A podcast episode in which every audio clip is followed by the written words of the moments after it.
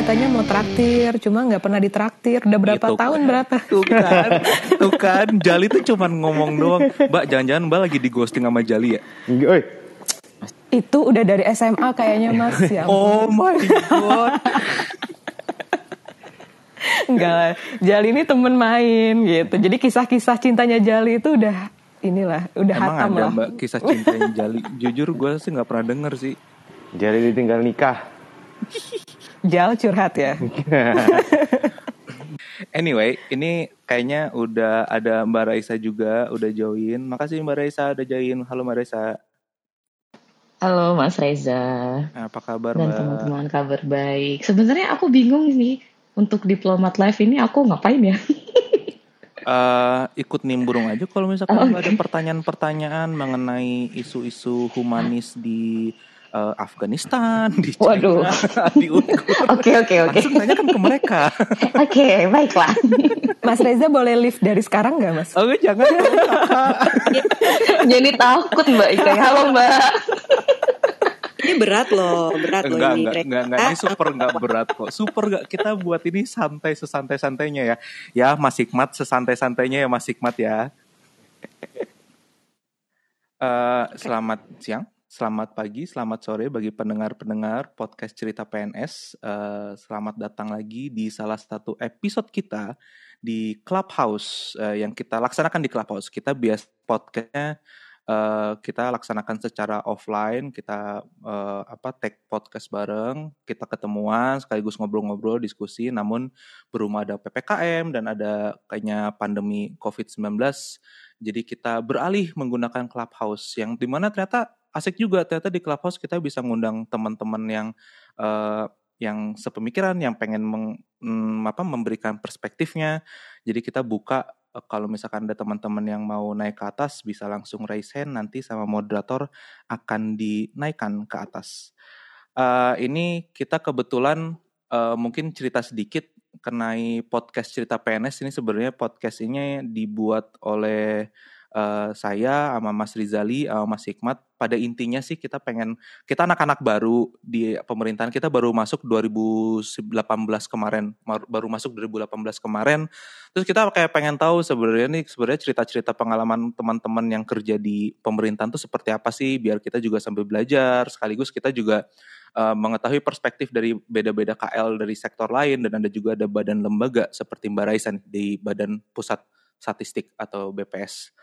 Eh, nah kebetulan eh, ini kita menggunakan Clubhouse, jadi kita buka forum di mana kita bisa ngobrol-ngobrol, kita bisa cerita-cerita pengalaman mengenai kegiatannya dan kerjanya setiap hari. Eh, mudah-mudahan cerita-ceritanya jangan yang terlalu berat-berat lah. Ini adalah cerita-cerita ringan, cuman eh, mungkin bisa diambil faedahnya atau mak dimaknai oleh masing-masing pendengar. So anyway, ini sebelum kita mulai, eh, mungkin Mas Jali mau sharing tentang disclaimer atau beberapa hal?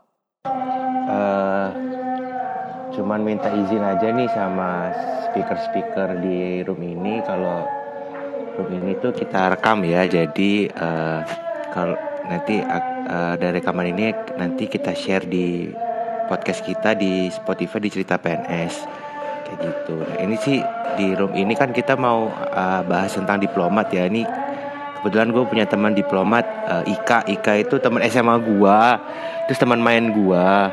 Jadi dia kerja di Kementerian Luar Negeri dia CPNS tahun lap- 2018 ya kak ya? Betul Jal. Oke, kita mau eh istilahnya eh, apa ya? Penasaran lah. Penasaran eh, kerjanya diplomat itu kayak gimana sih kayak gitu. Itu aja sih, Mas. Oke, ini juga ada Mbak Up. Panggilnya Mbak Upex atau Mbak Upi saya kayaknya dari dulu manggilnya Mbak Upi deh kayaknya deh Mbak. Iya, boleh, boleh UPI, boleh UPEX, boleh. Mbak Mbak Upex saja ya biar lebih dekat ya. Jadi pertama kenalan sama Mbak Upex tuh pada saat Mbak Upex lagi dinas ya Mbak ya di KJRI Frankfurt. Eh eh ya KJRI Frankfurt dan kebetulan eh, saya cukup aktif ya dan ini pencitraan nih. Saya cukup aktif di KJRI Frankfurt dulu ngajar angklung di KJRI Frankfurt jadi sering ketemu sama Mbak Upex. Nah, kebetulan Terus ternyata Mbak Upex balik ke Jakarta. Nah ini juga kebetulan nih jadi pengen ngobrol-ngobrol juga. Sebenarnya dari dulu sih Mbak pengen tahu sebenarnya wah ini kerja-kerjanya diplomat yang di KJRI Frankfurt ini apa aja. Soalnya kan kalau saya lihat timnya kan sedikit gitu kan. Terus kayak wah sedangkan kayak kegiatannya banyak nih mengurusin diplomasi antara Indonesia dan Jerman gitu. So uh, penasaran. Jadi sebenarnya itu sebenarnya latar belakang juga kenapa kita ngebuat room ini. Selain dari rasa penasaran akan kegiatan-kegiatan yang dilaksanakan oleh diplomat-diplomat Kementerian Luar Negeri, juga saya ngerasa jujur yang tadi saya bilang kalau orang-orang diplomat tuh kayak satu, salah satu-satunya apa ya PNS yang paling glamor nggak sih menurut gue ya paling glamor gitu. Mereka pergi ke luar negeri menggunakan jas dan dasi atau pergi ke taksi menggunakan taksido ke ballroom terus kayak melaksanakan negosiasi dan diplomasi dengan duta besar dari negara-negara berbeda. Itu kayak gila dibandingin dengan dengan apa ya dengan dengan saya gitu yang di balik meja tuh kayak aduh kayaknya beda banget kayak hidupnya glamor banget jadi boleh dong Mbak Upi sama Mbak Ika eh, monggo siapa yang mau lebih duluan mungkin Mbak Upi duluan kali ya apakah seglamor itu kehidupan seorang diplomat gitu Mbak cerita sedikit aja sekalian perkenalan Mbak Iya uh, halo semuanya um, Oke langsung aja ya. Iya benar tadi Reza. Makasih Reza, makasih teman-teman moderator yang lain.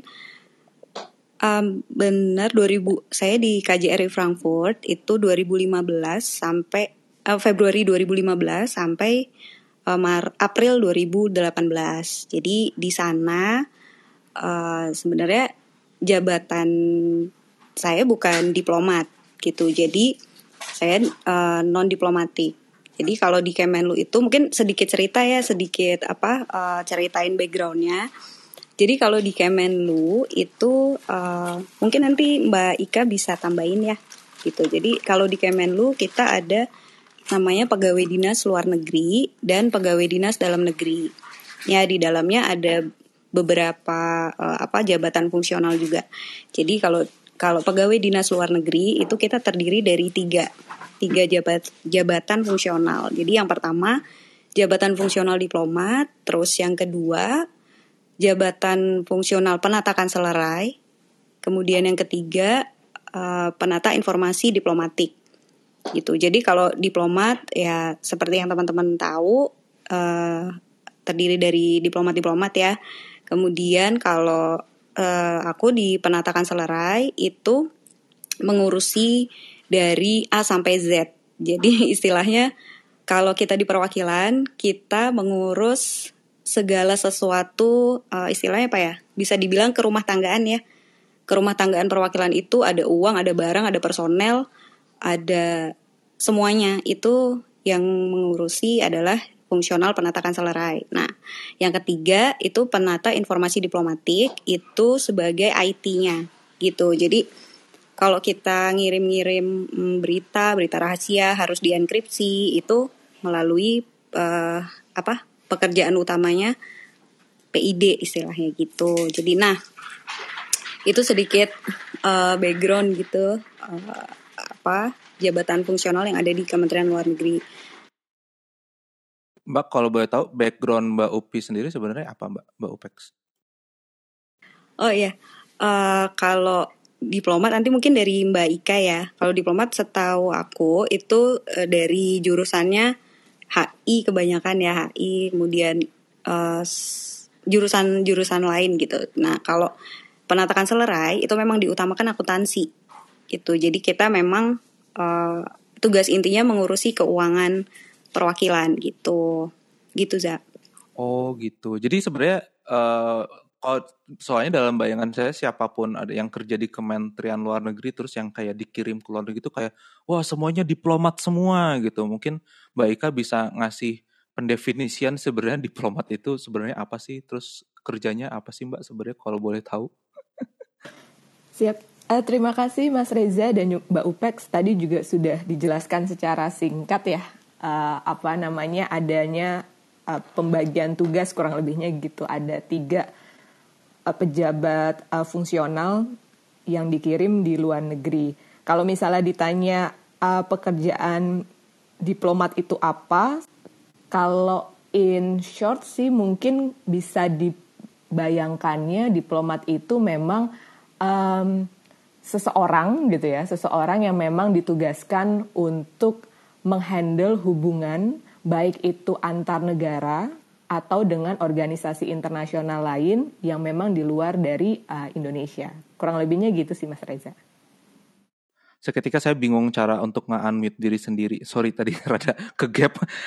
anyway, jadi oke okay, itu kayak berat banget ya si kerjanya diplomat kan kayak tadi Mbak bilang adalah agar menjaga hubungan antara Indonesia dengan luar negeri gitu. Cuman secara apa ya, secara eksplisitnya gitu kalau misalkan boleh saya tahu kan ini ada Mbak Opex yang pernah ditempatkan di luar negeri di di Jerman. Kalau Mbak Ika kan tadi sama ya CPNS 2018 berarti baru masuk ya Mbak ya, baru masuk kemarin-kemarin. Nah, mungkin sebelum kita pergi ke luar negeri nih, sebenarnya kalau sebelum kita dipindahkan nih kebetulan kan Mbak Opex katanya nanti bulan Oktober akan ada penugasan lagi. Jadi boleh dong cerita-cerita sebenarnya di Indonesia dulu nih eh, Mbak Ika dan Mbak Opex pada saat di Indonesia kegiatannya apa sih sih kerjanya kalau boleh sharing-sharing?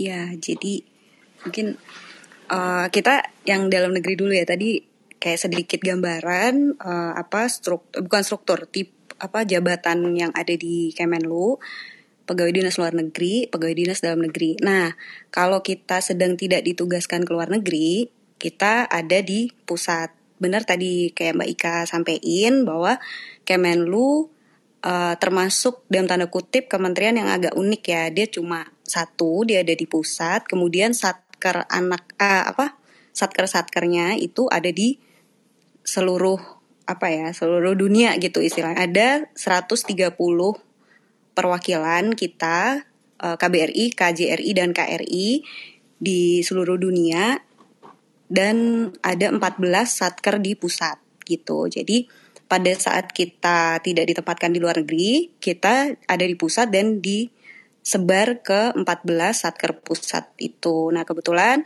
kalau aku ada di uh, Sekretariat Jenderal di Biro Keuangan gitu. Nah, sebelum um, kita ditugaskan itu uh, jadi kita memang ada semacam ritme atau uh, apa ya periode mutasi ya bisa dibilang untuk PDLN khusus karena kalau untuk PDDN nggak mutasi ke luar negeri gitu, jadi hanya di mengurusi uh, apa uh, yang ada di pusat gitu. Nah, kalau periode mutasi itu kita sebenarnya setiap tiga tahun ya, setiap tiga tahun itu kita bisa diusulkan gitu. Tapi ya itu itu kita kita bicara soal ininya dulu ya peraturan, bukan peraturan sih apa. Uh, ya bisa dibilang peraturannya sih untuk untuk mutasi. Jadi kita masuk masuk ke Kemenlu sebagai CPNS, kemudian ya seperti CPNS kementerian lainnya, KL lainnya, kita masuk, kita ada pelatihan, kita ada uh, semacam diklat ya, uh, diklat. Kalau dulu aku karena memang khusus untuk mengurusi keuangan, jadi ada diklat uh, semacam diklat keuangan juga dari Kementerian Keuangan juga uh, pelatihannya karena nanti kita ditempatkan sebagai bendahara gitu. Nah, kalau dari sisi bendahara kita ada pelatihan khusus, ada sertifikasi khusus gitu. Nah, kemudian setelah kita masuk, kita ditempatkan di unit nih di Satker Pusat tadi yang ada 14 di Jakarta. Di Satker di Satker Pusat ya ada 14. Kita uh, menerima tugas nih, kamu misalnya ditugaskan di di unit misalnya aku nih di sekretariat jenderal gitu di biro keuangan ya udah nanti di biro keuangan itu kita akan ditempatkan dan diberikan tugas um, apa sesuai job desk gitu itu untuk untuk di pusat untuk awalnya nah atau mungkin lanjut atau ada tanya-tanya dulu nggak za? Boleh lanjut aja dulu mbak. Kalau misalkan teman-teman by the way ini uh, teman-teman yang udah di atas stage, kalau misalkan ada yang mau nanya, uh, langsung kasih kodenya dengan cara menggunakan mute unmute mute unmute mute unmute. Jadi kan nanti kayak kedap kedip kedap kedip gitu kan. Nanti ketahuan nanti bisa saya persilahkan kalau misalkan mau bertanya. Tapi sebelum itu Mbak, Mbak Opek silakan melanjutin aja Mbak. Oke, okay, iya kalau mau ada yang tanya boleh langsung aja ya gitu. Nah tadi um, misalnya aku contohin aku ya masuk gitu 2009 uh, 2009 Desember itu CPNS terus 2010 ada di Klat dan akhir 2010 dia masuk ke unit gitu. Jadi uh, masuk ke unit udah langsung ke sekretariat jenderal ke biro keuangan. Nah kita ada magang dulu tuh proses magang sekitar berapa bulan ya kalau nggak salah uh, 6 bulan deh 6 bulan magang. Terus ada slip penempatan penempatan secara istilahnya hmm, apa ya? Ya slip penempatan sih. Slip penempatan oh kamu ditempatkan di biro keuangan nih di bagian A gitu.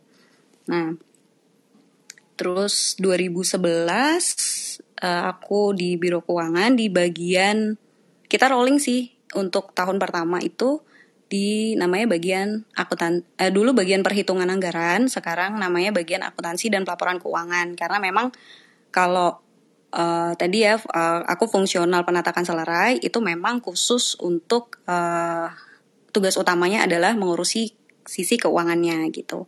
Nah, setelah itu udah ditempatkan 2011 uh, ya 2011 dan job desknya itu karena perwakilan kita kan banyak nih ada 130 di luar negeri ya dan itu hmm, mungkin cerita sedikit dari sisi keuangan ya kalau setiap tahun kan kita menyusun laporan keuangan sat satker ya satuan kerja nah dari 130 perwakilan itu satker sebenarnya mereka harus secara independen kan masing-masing untuk melaporkan laporan keuangannya. Tetapi memang karena jarak dan waktu uh, karena kan Kementerian Keuangan di Indonesia ya, KPPN di Jakarta gitu. Nah, kita yang ada di pusat itu bertugas sebagai uh, penghubung ya, bisa dibilang penghubung antara perwakilan dengan Kementerian Keuangan gitu, baik KPPN, di APK, DJA, DJPB itu kita sebagai dalam tanda kutip penghubungnya gitu.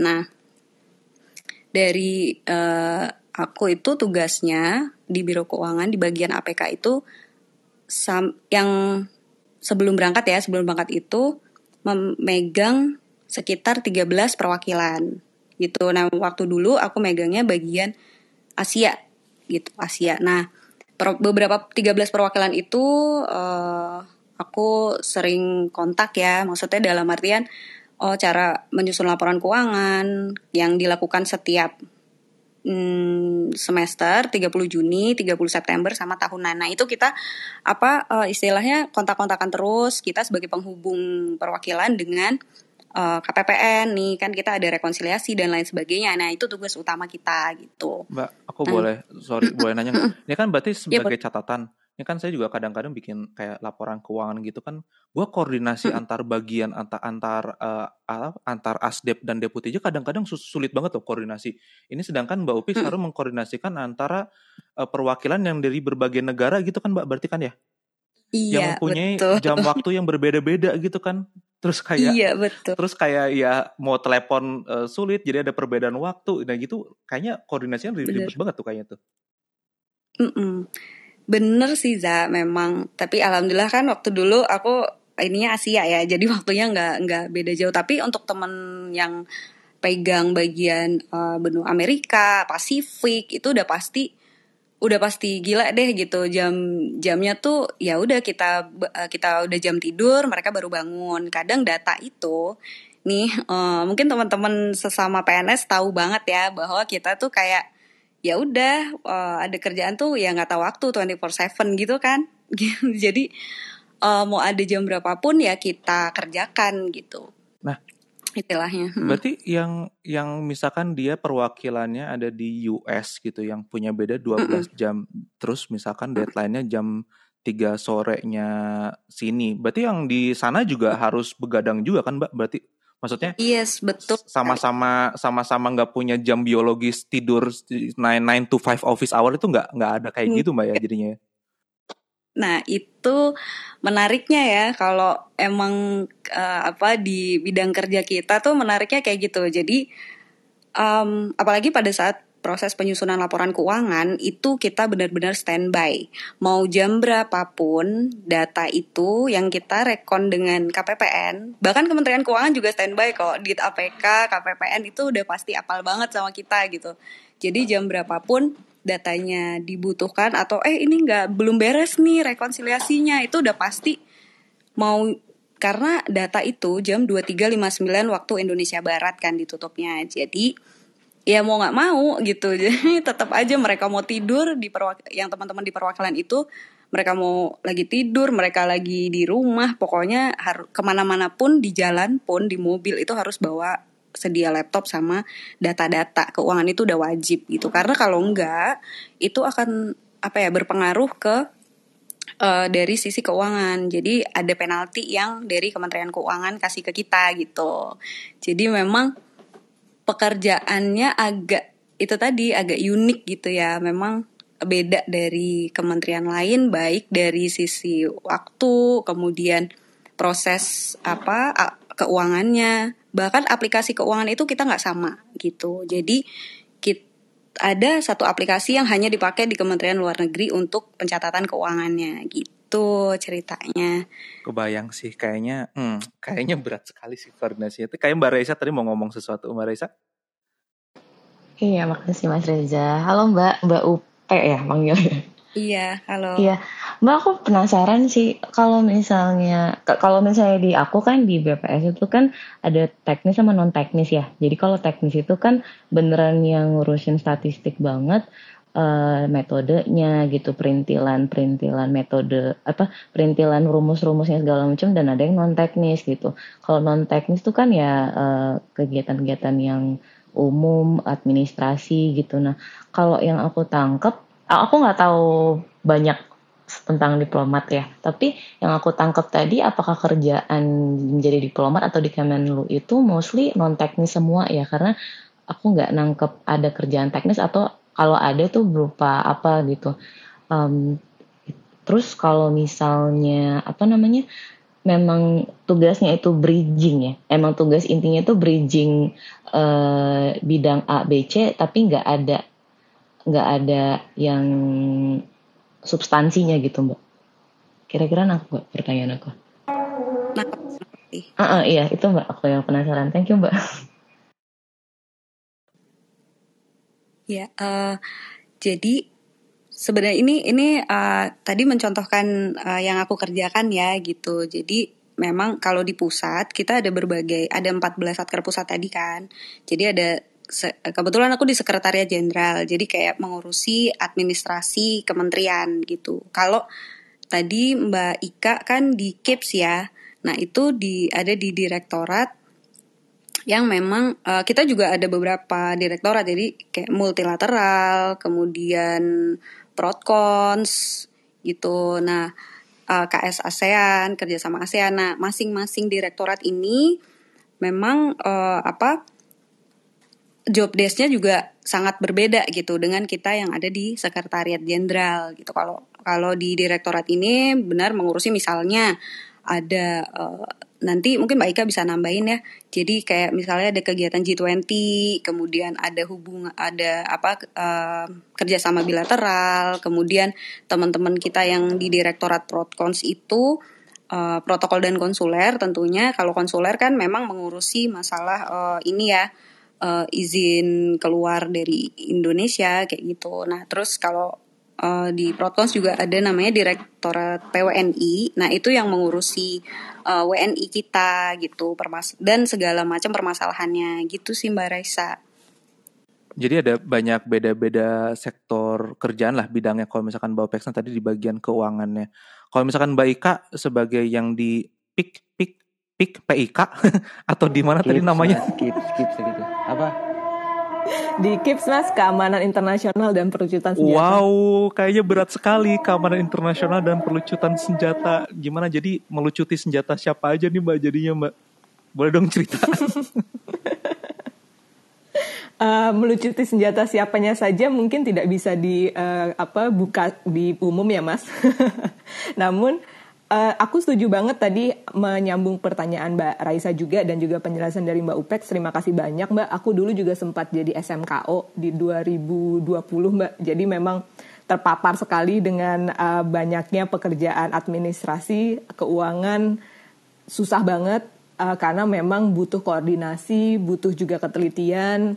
Jadi memang um, bisa di mungkin bisa dibayangkannya gini dulu kali ya Mas Reza Mbak uh, Raisa di awal kita sudah sebutkan memang ada PDLN dan PDDN bisa dibilang gitu. PDLN itu pejabat dinas luar negeri, PDDN itu pejabat dinas dalam negeri. Tadi Mbak Upek sempat uh, mention juga PDLN itu memang cuma ada tiga di uh, Kementerian Luar Negeri. Jabatan fungsionalnya itu diplomat seperti saya, kanselerai seperti Mbak Upek, dan juga informasi. Nah, yang informasi sendiri memang belum ada teman kita yang join, tapi uh, pada intinya sih ketiga jabatan fungsional ini yang akan ditempatkan di luar negeri, di mana pun itu.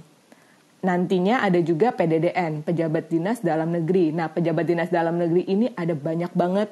Tahun ini aku tadi juga ngepoin, uh, karena Kemlu buka ya tahun ini untuk CPNS, ternyata bukaannya itu ada 20 jabatan fungsional gitu. Cuma memang mostly adalah pejabat dinas dalam negeri. Nah ini nanti rekan-rekan yang akan membantu kita uh, secara uh, banyak di pusat gitu. Uh, balik lagi ke pertanyaan apakah memang pekerjaannya kurang lebihnya sama atau tidak. Sebenarnya memang sangat amat berbeda bisa dibilang gitu. Uh, tadi ada 14 satker di pusat, uh, satuan kerja, aku sendiri Direktorat Jenderal Multilateral Kerjasama Multilateral direktoratnya sendiri itu KIPS Keamanan Internasional dan Perlucutan Senjata. Mostly memang yang dipegang adalah isu-isu keamanan internasional kemudian persenjataan kurang lebih kerjasama di bidang uh, keamanan dan sebagainya ya gitu. Kami juga uh, biasanya ngobrolnya itu dengan badan-badan di PBB karena memang um, kami fokusnya ke kerjasama multilateral yaitu lebih dari satu negara. Di perwakilan sendiri kami juga biasanya ngobrolnya itu dengan PTRI tadi aku belum mention tentang PTRI uh, perutap tetap jadi memang ada KBRI, ada PTRI, ada KRI, tadi kan ada KJRI. Misi. Nah, mostly Misi kalau Mbak Eka, sorry Mm-mm. boleh nggak yang abreviasinya dipanjang-panjangin biar teman-teman Oh, ya. yang tidak mengerti seperti saya yang sangat awam banget nih dengan kamus besar kamus besar bahasa Indonesia dipanjangin kalau boleh ya Mbak Eka ya. Boleh, boleh, boleh banget, Mas. Uh, jadi yang pertama ada KBRI. Nah, ini mungkin KBRI yang paling banyak, paling terkenal. Uh, kita ada 94 kalau nggak salah itu Kedutaan Besar Republik Indonesia. Jadi ini biasanya di um, di ibu kota negaranya masing-masing gitu. Dipimpinnya oleh duta besar, kurang lebihnya ngurusin tentang politik, ekonomi, sosial budaya, perlindungan WNI. Gitu. Kemudian ada juga KJRI. KJRI itu Konsulat Jenderal Republik Indonesia. Dia ada di biasanya di kota-kota lain selain di ibu kota. Fungsinya itu hampir semuanya sama kayak KBRI kecuali nggak ada ngurusin politiknya. Kemudian ada KRI. KRI ini Konsulat Republik Indonesia. Fokus utamanya itu pelayanan warga.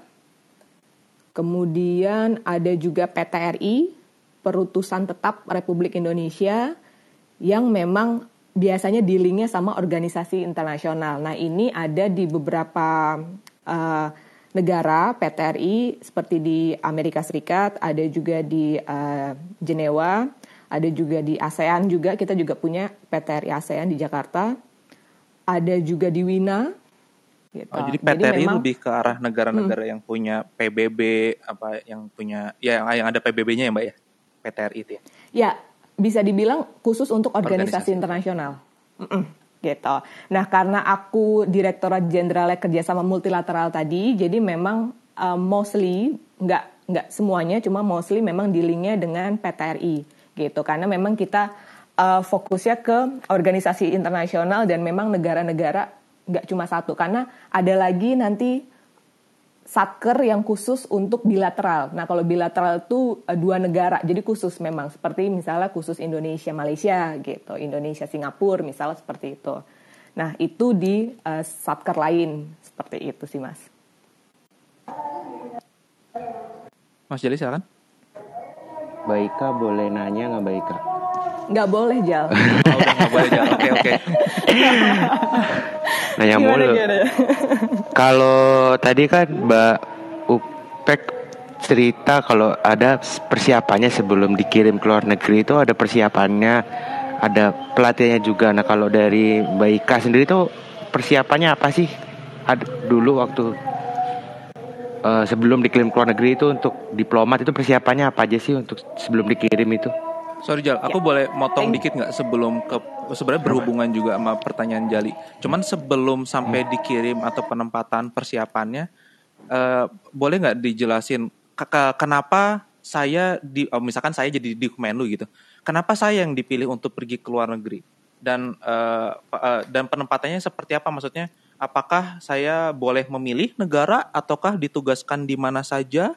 Itu tidak uh, uh, tidak ada apa uh, tidak ada pilihan jadi langsung ditugaskan.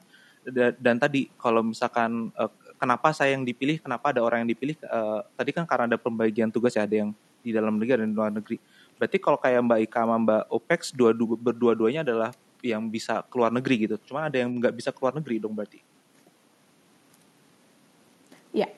Uh, terima kasih Mas Jali dan Mas Reza kalau pengalaman aku pastinya akan beda sama Mbak Upex karena sebenarnya aku masuk itu 2018 uh, CPNS-nya masuk Satker itu 2019 sampai sekarang pun aku belum ditempatkan jadi aku masih di pusat. Um, sebenarnya sudah bisa mengajukan diri untuk uh, apa namanya ditempatkan di luar negeri. Tapi uh, karena personal reason uh, aku memutuskan untuk nanti dulu kalau misalnya yang aku tahu ya, karena memang belum pernah uh, daftar langsung kurang lebihnya gitu, tapi kalau kurang lebih prosesnya dari teman-teman angkatan aku yang memang sudah sudah ada di luar negeri sekarang, sudah penempatan, itu kurang lebihnya memang um, awalnya itu nanti kita akan mendapatkan list gitu, list perwakilan uh, negara kita di luar negeri yang memang kosong dan bisa ditempatkan. Nah ini agak teknikal dikit, listnya itu isinya bisa banyak banget. Um, kita bilangnya diplomatic rank ya, ranking diplomatik gitu. Jadi nggak semua diplomat itu bisa, let's say, pergi ke Malaysia gitu di tahun 2021. Karena bisa jadi perwakilan kita yang di Malaysia hanya butuhnya diplomat dengan ranking tertentu gitu. Jadi ranking itu itu ada atase, ada sekretaris 3, sekretaris 2, naik naik naik naik sampai duta besar paling tinggi gitu. Jadi memang um, tergantung banget tahun itu keperluannya itu apa aja gitu. Nah, once kita sudah lihat, kita sudah baca tuh, oh dibutuhkannya ternyata negara ini, negara ini kosong, dibutuhkannya untuk uh, ranking diplomatik ini. Nah, itu kita bisa ajukan gitu. Kita bisa ajukan ke SDM, kita bisa bilang bahwa oke okay, uh, eh, saya sudah punya uh, apa namanya niat gitu untuk ke sana. Saya juga sudah melengkapi berkas-berkas administrasi dan sebagainya. Nah, nanti akan diproses lebih lanjut, kurang lebihnya gitu. Um, proses selanjutnya nanti akan ada pengecekan berkas, akan ada wawancara. Uh, jadi nanti dilihat apakah memang orang tersebut walaupun pengen ke negara tersebut tapi fit nggak gitu, cocok nggak gitu dengan kebutuhannya. Karena memang bisa jadi pertimbangannya banyak banget sih mas. Misalnya Malaysia uh, butuhnya ternyata memang uh, yang lebih fokus ke bidang ekonomi misalnya kayak gitu atau bidang politik atau bidang sosial budaya gitu-gitu. Jadi biasanya memang ada ngecek backgroundnya juga nih dulunya di satker mana gitu atau punya kelebihan di bidang apa kayak gitu-gitu. Nah um, setelah itu nanti ketika memang sudah uh, oke, sudah di ACC akan dapat slip merah kita namanya. Nah, slip merahnya itu itu akan um, dipergunakan untuk persiapan keberangkatan. Nah, persiapan keberangkatan ini itu macam-macam bisa dari uh, nanti ada pelatihan bahasa, ada nanti uh, kesiapan plus-plus karena setiap negara itu butuh treatmentnya masing-masing gitu, nggak nggak bisa disamaratakan kurang lebihnya gitu. Ada yang memang butuh belajar uh, bahasa lain mungkin, atau bahkan kemarin teman aku yang dari um, angkatan aku ini ada yang ditugaskan di Suriah. Jadi dia ada tambahan um, plus plus ini uh, seperti psikologi terus uh, apa namanya biasanya nih kalau nggak pandemi itu ada sedikit pelatihan pelatihan um, apa ya keamanan diri lah kurang lebihnya gitu ya mbak. Gitu. Aku bayangin so kalau ya, misalkan ya, ditempatkan di, di misalkan di Syria atau di daerah uh, sana gitu yang banyak banyak terjadi peperangan, kayaknya bakal harus disuruh buat latihan ini nggak sih nembak senjata etis sama survival gitu nggak sih? Nah, seingat aku uh, dulu karena sebelum pandemi ya, itu sempat ada, I'm not sure kalau misalnya masih dilanjutkan hingga sekarang karena uh, itu kan dinamis ya mas, maksudnya. Uh, jadi tergantung memang negara tersebut itu, itu once again apakah butuh treatment khususnya sejauh apa, misalnya gitu.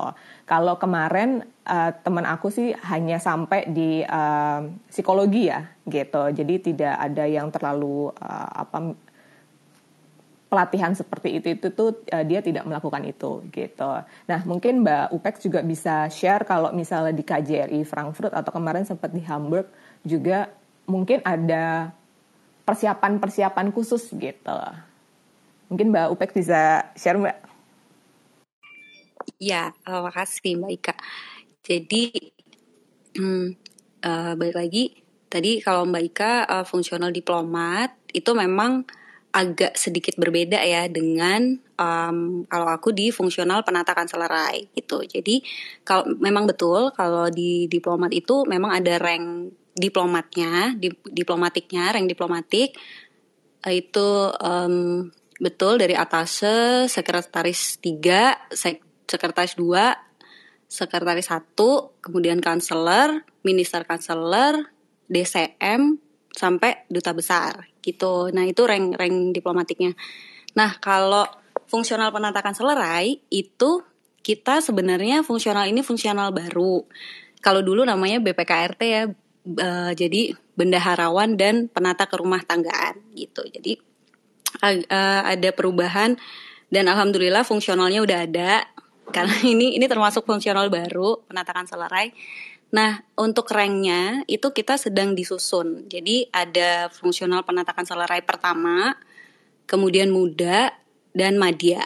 Jadi kita cuma ada tiga. Nah, kalau dari uh, proses penempatannya itu sebenarnya hampir sama dengan fungsional diplomat.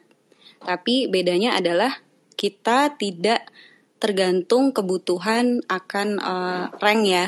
Jadi ada di misalnya di per, apa ada perwakilan nih uh, setiap tahun itu kan kosong kita ada uh, apa namanya periode mutasi. Nah periode mutasi itu di dalam satu tahun periode mutasi kita adalah Maret dan uh, September.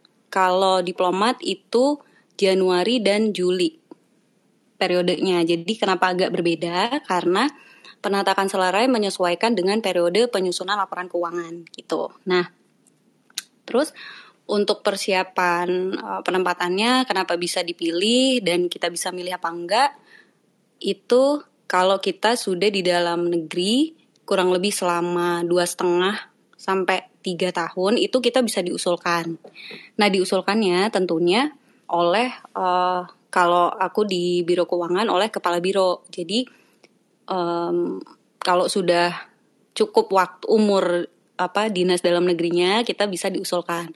Nah sebelum itu kalau untuk penatakan selerai kalau sudah uh, satu setengah sampai dua tahun di dalam negeri itu kita bisa diusulkan untuk pelatihan. Jadi kayak namanya in-house training ya. Jadi kita ada uh, disingkat IHT. Nah IHT ini adalah untuk menentukan uh, seberapa apa ya uh, seperti semacam refreshing ya, refreshing atas peraturan baru atau um, apa uh, aplikasi keuangan baru kayak gitu kan selalu dinamis ya kalau untuk uh, peraturan keuangan itu selalu berubah setiap tahun. Ya nggak selalu sih, tapi kebanyakan memang berubah gitu. Nah setelah diusulkan IHT, uh, aku kebetulan IHT-nya itu Maret dan itu berlangsung selama dua bulan. Jadi um, Maret dan April kemarin dan Mei dapat sertifikat IHT-nya. Alhamdulillah lulus. Kalau tidak lulus itu uh, uh, harus mengulang. Jadi dalam satu tahun ada dua periode IHT itu Maret dan uh, September. Nah setelah lulus dinyatakan lulus kita bisa diajukan nih untuk penempatan oleh kepala biro gitu. Nah atau kalau misalnya di di direktorat itu uh, oleh sesnya itu diajukan. Kemudian uh, nanti di biro SDM yang akan jadi akan memutuskan ya. Tapi yang memutuskan sebenarnya bukan biro SDM jadi diajukan dulu. Kemudian ada yang namanya TP Baper Jakat. Itu semacam istilahnya uh, apa ya pimpinan-pimpinan ya yang memutuskan bahwa oh yang bersangkutan ini sudah memang layak ditempatkan, sudah cukup waktunya, kemudian sudah lulus uh, IHT in-house training tadi dan nanti ada list perwakilan nih gitu. Jadi list perwakilan yang kosong di uh, misalnya hmm, TP itu kemarin Juni bulan Juni. Nah untuk yang kosong September kan September ada yang banyak yang pulang nih teman-teman kita gitu penatakan selesai. Nah itu kita bisa diusulkan oh ini untuk ke negara ini ini misalnya yang kemarin ada 30 nih 30 negara kosong perwakilan kosong.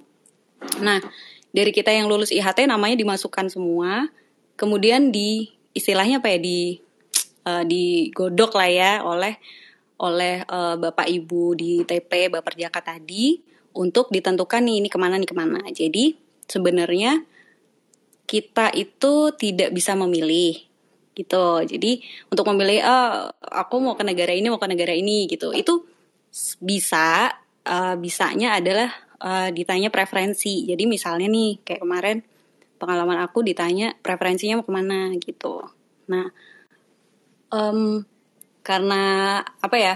Itu kita kita diberi tiga opsi ya, diminta tiga opsi negara perwakilan, eh, tiga opsi perwakilan. Jadi waktu kemarin aku kebetulan ngisinya itu ada Eropa sama uh, Amerika. Nah, tapi itu belum tentu bisa dapat ya. Jadi kembali lagi ke um, digodoknya tadi ini ke mana nih ke mana itu kita nggak tahu bener-bener rahasia. Kalau itu rahasia pimpinan, jadi memang kita taunya itu setelah keluar slip. Jadi setelah ada slip merah yang seperti disampaikan Mbak Ika, nanti kita baru dikasih tahu nih oh kamu ke sini gitu ke perwakilan ini. Itu kita baru setelah itu melakukan persiapan-persiapan tentunya baik dokumen maupun uh, apa ada orientasi juga. Ini kebetulan minggu ini aku lagi orientasi jadi persiapan keberangkatan. Gitu sih. Mungkin ada pertanyaan dulu kali ya? sebelum mbak melanjut ke persiapan yang mbak lakukan sekarang nih. Berarti kalau Uh, berarti kan tadi kan di siapa ke negara siapa ke negara mana kan sebenarnya awalnya ada formulir re referensi lah saya mau pergi ke Eropa ada yang mau pergi ke US saya sih jujur kalau misalkan saya di Kemenlu gitu ya pasti banyak yang milih Eropa dan US tuh kayaknya mungkin paling banyak adalah US dan Eropa gitu. Nah nanti kalau misalkan kayak gitu kan ada juga eh, teman-teman yang wah jadi dapatnya di Afrika gitu. Padahal dia sebenarnya nggak suka banget sama panas gitu misalkan. Ada juga yang kayak gitu ya mbak ya ada ada sih ada setelah uh, ya ini secara informal ya gitu. Kita ditanyain sih sama pimpinan gitu. Cuma kembali lagi kalau memang kita sudah ditugaskan ya sebaiknya sih kecuali kalau memang ada uh, ini ya ada apa uh, alasan pribadi personal itu mungkin ada temen juga misalnya dia uh, karena urusan apa keperluan pribadi misalnya ham, kehamilan atau oh atau sekolah. Nah, kalau sekolah ini juga uh, kita juga diizinkan ada teman-teman juga yang mau berangkat juga ke ke Inggris untuk melanjutkan S2. Nah, itu memang keputusan pribadi dan kita juga menyampaikan ke pimpinan bahwa oh, Bu, uh, Pak ini saya mau sekolah. Jadi uh, untuk penempatan proses penempatan saya mungkin uh, mundur gitu. Itu bisa juga hmm. dan memang ada kejadian juga yang nolak juga ada sih gitu. Nah kalau misalnya kita menolak penugasan itu uh, bisa diajukan lagi tahun depannya. Gitu sih. Mundur paling, sih paling istilahnya. jauh ke mana sih mbak? Kalau boleh tahu yang KJRI paling jauh dari Indonesia? Kalau boleh tahu ada yang tahu nggak? Paling jauh ya kalau so far sih mungkin mana ya? Cap tahun kan di ujung. Jadi kebetulan aku saat ini tuh megangnya uh, Afrika sama Tim Teng ya. Afrika sama Timur Tengah ada 14 perwakilan yang aku pegang. Itu uh, mungkin Cape Town atau uh, Amerika Selatan ah, kali ya. Ya, ya, Karena ya. pengalaman juga sih itu kemarin tahun tahun-tahun lalu sebelum pandemi itu sempat ke Peru kelima itu perjalanan itu 34 jam. Jadi mungkin itu yang paling jauh kali Amerika Latin gitu. Oh. Gitu oke mbak, jadi oke, okay. berarti itu uh, pada saat ditempat ditempatkan kan berarti uh, ya pada saat ditugaskan kita harus uh, say yes, oh bisa juga say no, cuman kemungkinan akan ditempatkan. Nah, Nah ini kan kebetulan Mbak Upex juga lagi persiapan nih bulan Oktober akan melaksanakan dinas juga gitu ya. Nah sebenarnya persiapannya bukan persiapan secara administrasi. Sebenarnya persiapan buat diri mbaknya sendiri tuh apa sih yang mbak siapkan nih mungkin bisa belajar juga nih kita kita yang uh, mungkin kita sih enggak ya mungkin Mbak Ika kan masih belum ditempatkan nih. Ya, cuman persiapan buat pribadi mbak sendiri apa sih sebenarnya sebelum berangkat ke luar negeri itu? Uh, yang paling utama sih mental ya Za. karena karena ini kenapa penting banget terutama untuk teman-teman yang memang dapatnya adalah di negara konflik. Oh ya, ini mungkin sedikit cerita ya, negara konflik itu kayak kemarin yang baru aja kejadian kan di Afghanistan ya. Itu temen uh, uh, penatakan selarayan di sana itu baru dievakuasi itu baru minggu lalu kalau nggak salah. Nah, itu kan selama apa kejadian kejadian itu terus kita kontak dia kan kita kontak dia eh gimana ini ini ini? Terus dia memang uh, apa cerita kalau memang sembunyi di wisma. Ini memang ini sedikit cerita ya agak oot dikit.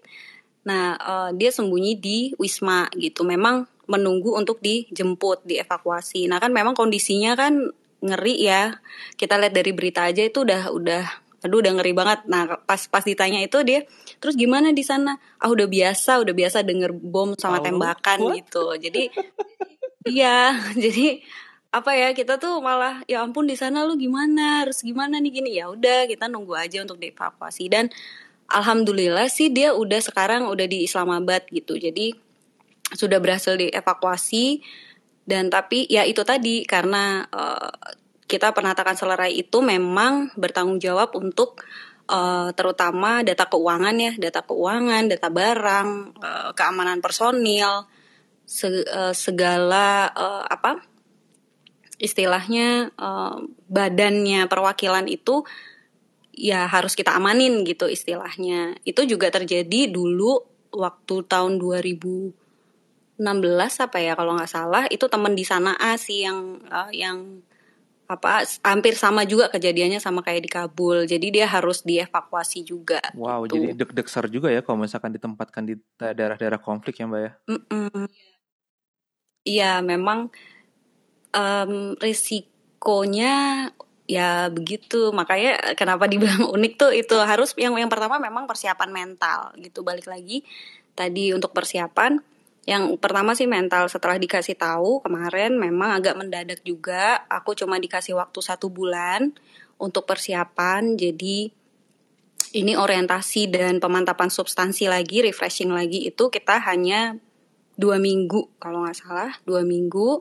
Kemudian setelah itu dibalik orientasi dan pemant dan refreshing substansi itu juga secara uh, urusan personal ya urusan keluarga itu bener-bener kita kayak apa ya uh, apa sih kayak harus lari cepet gitu. Ini kita harus ngurus apa dokumen-dokumen gitu segala macam tuh harus udah ready kemudian kesiapan rumah. Nah yang paling penting karena uh, aku udah berkeluarga dan punya anak satu dan dia lagi sekolah SD nah ini yang ngurus untuk kepindahan sekolah itu yang paling mungkin bisa dibilang yang paling menguras pikiran ya gitu. Karena nggak ternyata tuh oh ternyata nggak semudah itu untuk pindah sekolah gitu. Dan dan lagi balik lagi uh, kesiapan keluarga itu juga penting. Jadi kayak ya kebetulan ditempatkan di Warsawa. Jadi yang sebel yang sebelumnya di Jerman dan sekarang mau ke Poland itu kan bahasanya juga sangat berbeda ya. Nggak menggunakan bahasa Inggris. Jadi harus bener-bener apa ya mental sih kesiapan mental. Dan mungkin kalau uh, bahasa ya sampai sana kita pasti menggunakan bahasa Inggris ya. Tapi kalau untuk anak sih yang paling penting itu kita harus ya ngasih taunya pelan-pelan ya kalau untuk anak-anak. Karena dulu pengalaman waktu di Frankfurt juga itu benar-benar dia pertama bahasa Inggris kemudian masuk ke sekolah negeri di sana ke TK negeri di sana tentunya bahasa lokal bahasa Jerman. Itu sempat takut sih kita karena dia tuh sempat diem nggak mau ngomong gitu kan. Eh, nggak uh, punya temen kan karena nggak nggak paham bahasanya gitu. Tapi anak-anak itu memang cepet sih kalau untuk uh, adaptasi. Dia dua bulan udah udah mingle lah istilahnya gitu. Nah terutama sih mental, kemudian mengurus dokumen, kemudian urusan pribadi keluarga seperti sekolah anak. Um, kemudian apa ya mengurus dokumen itu termasuk visa ya paspor visa itu kita harus cepat karena memang dari yang ada di perwakilan juga periode apa mutasi, mutasi juga kan yang akan kita gantikan juga harus kembali ke Indonesia dan punya urusan juga gitu. Jadi nggak bisa berlama-lama juga kita gitu. Jadi harus benar-benar benar-benar apa ya benar-benar harus konsentrasi banget gitu kalau selain selain pekerjaan ya urusan urusan keluarga urusan pribadi harus, juga harus diselesaikan semua ya mbak ya. harus agak pusing sih. dalam waktu dekat. Iya sebenarnya jujur aja sih agak stres curhat nih mbak jadinya nih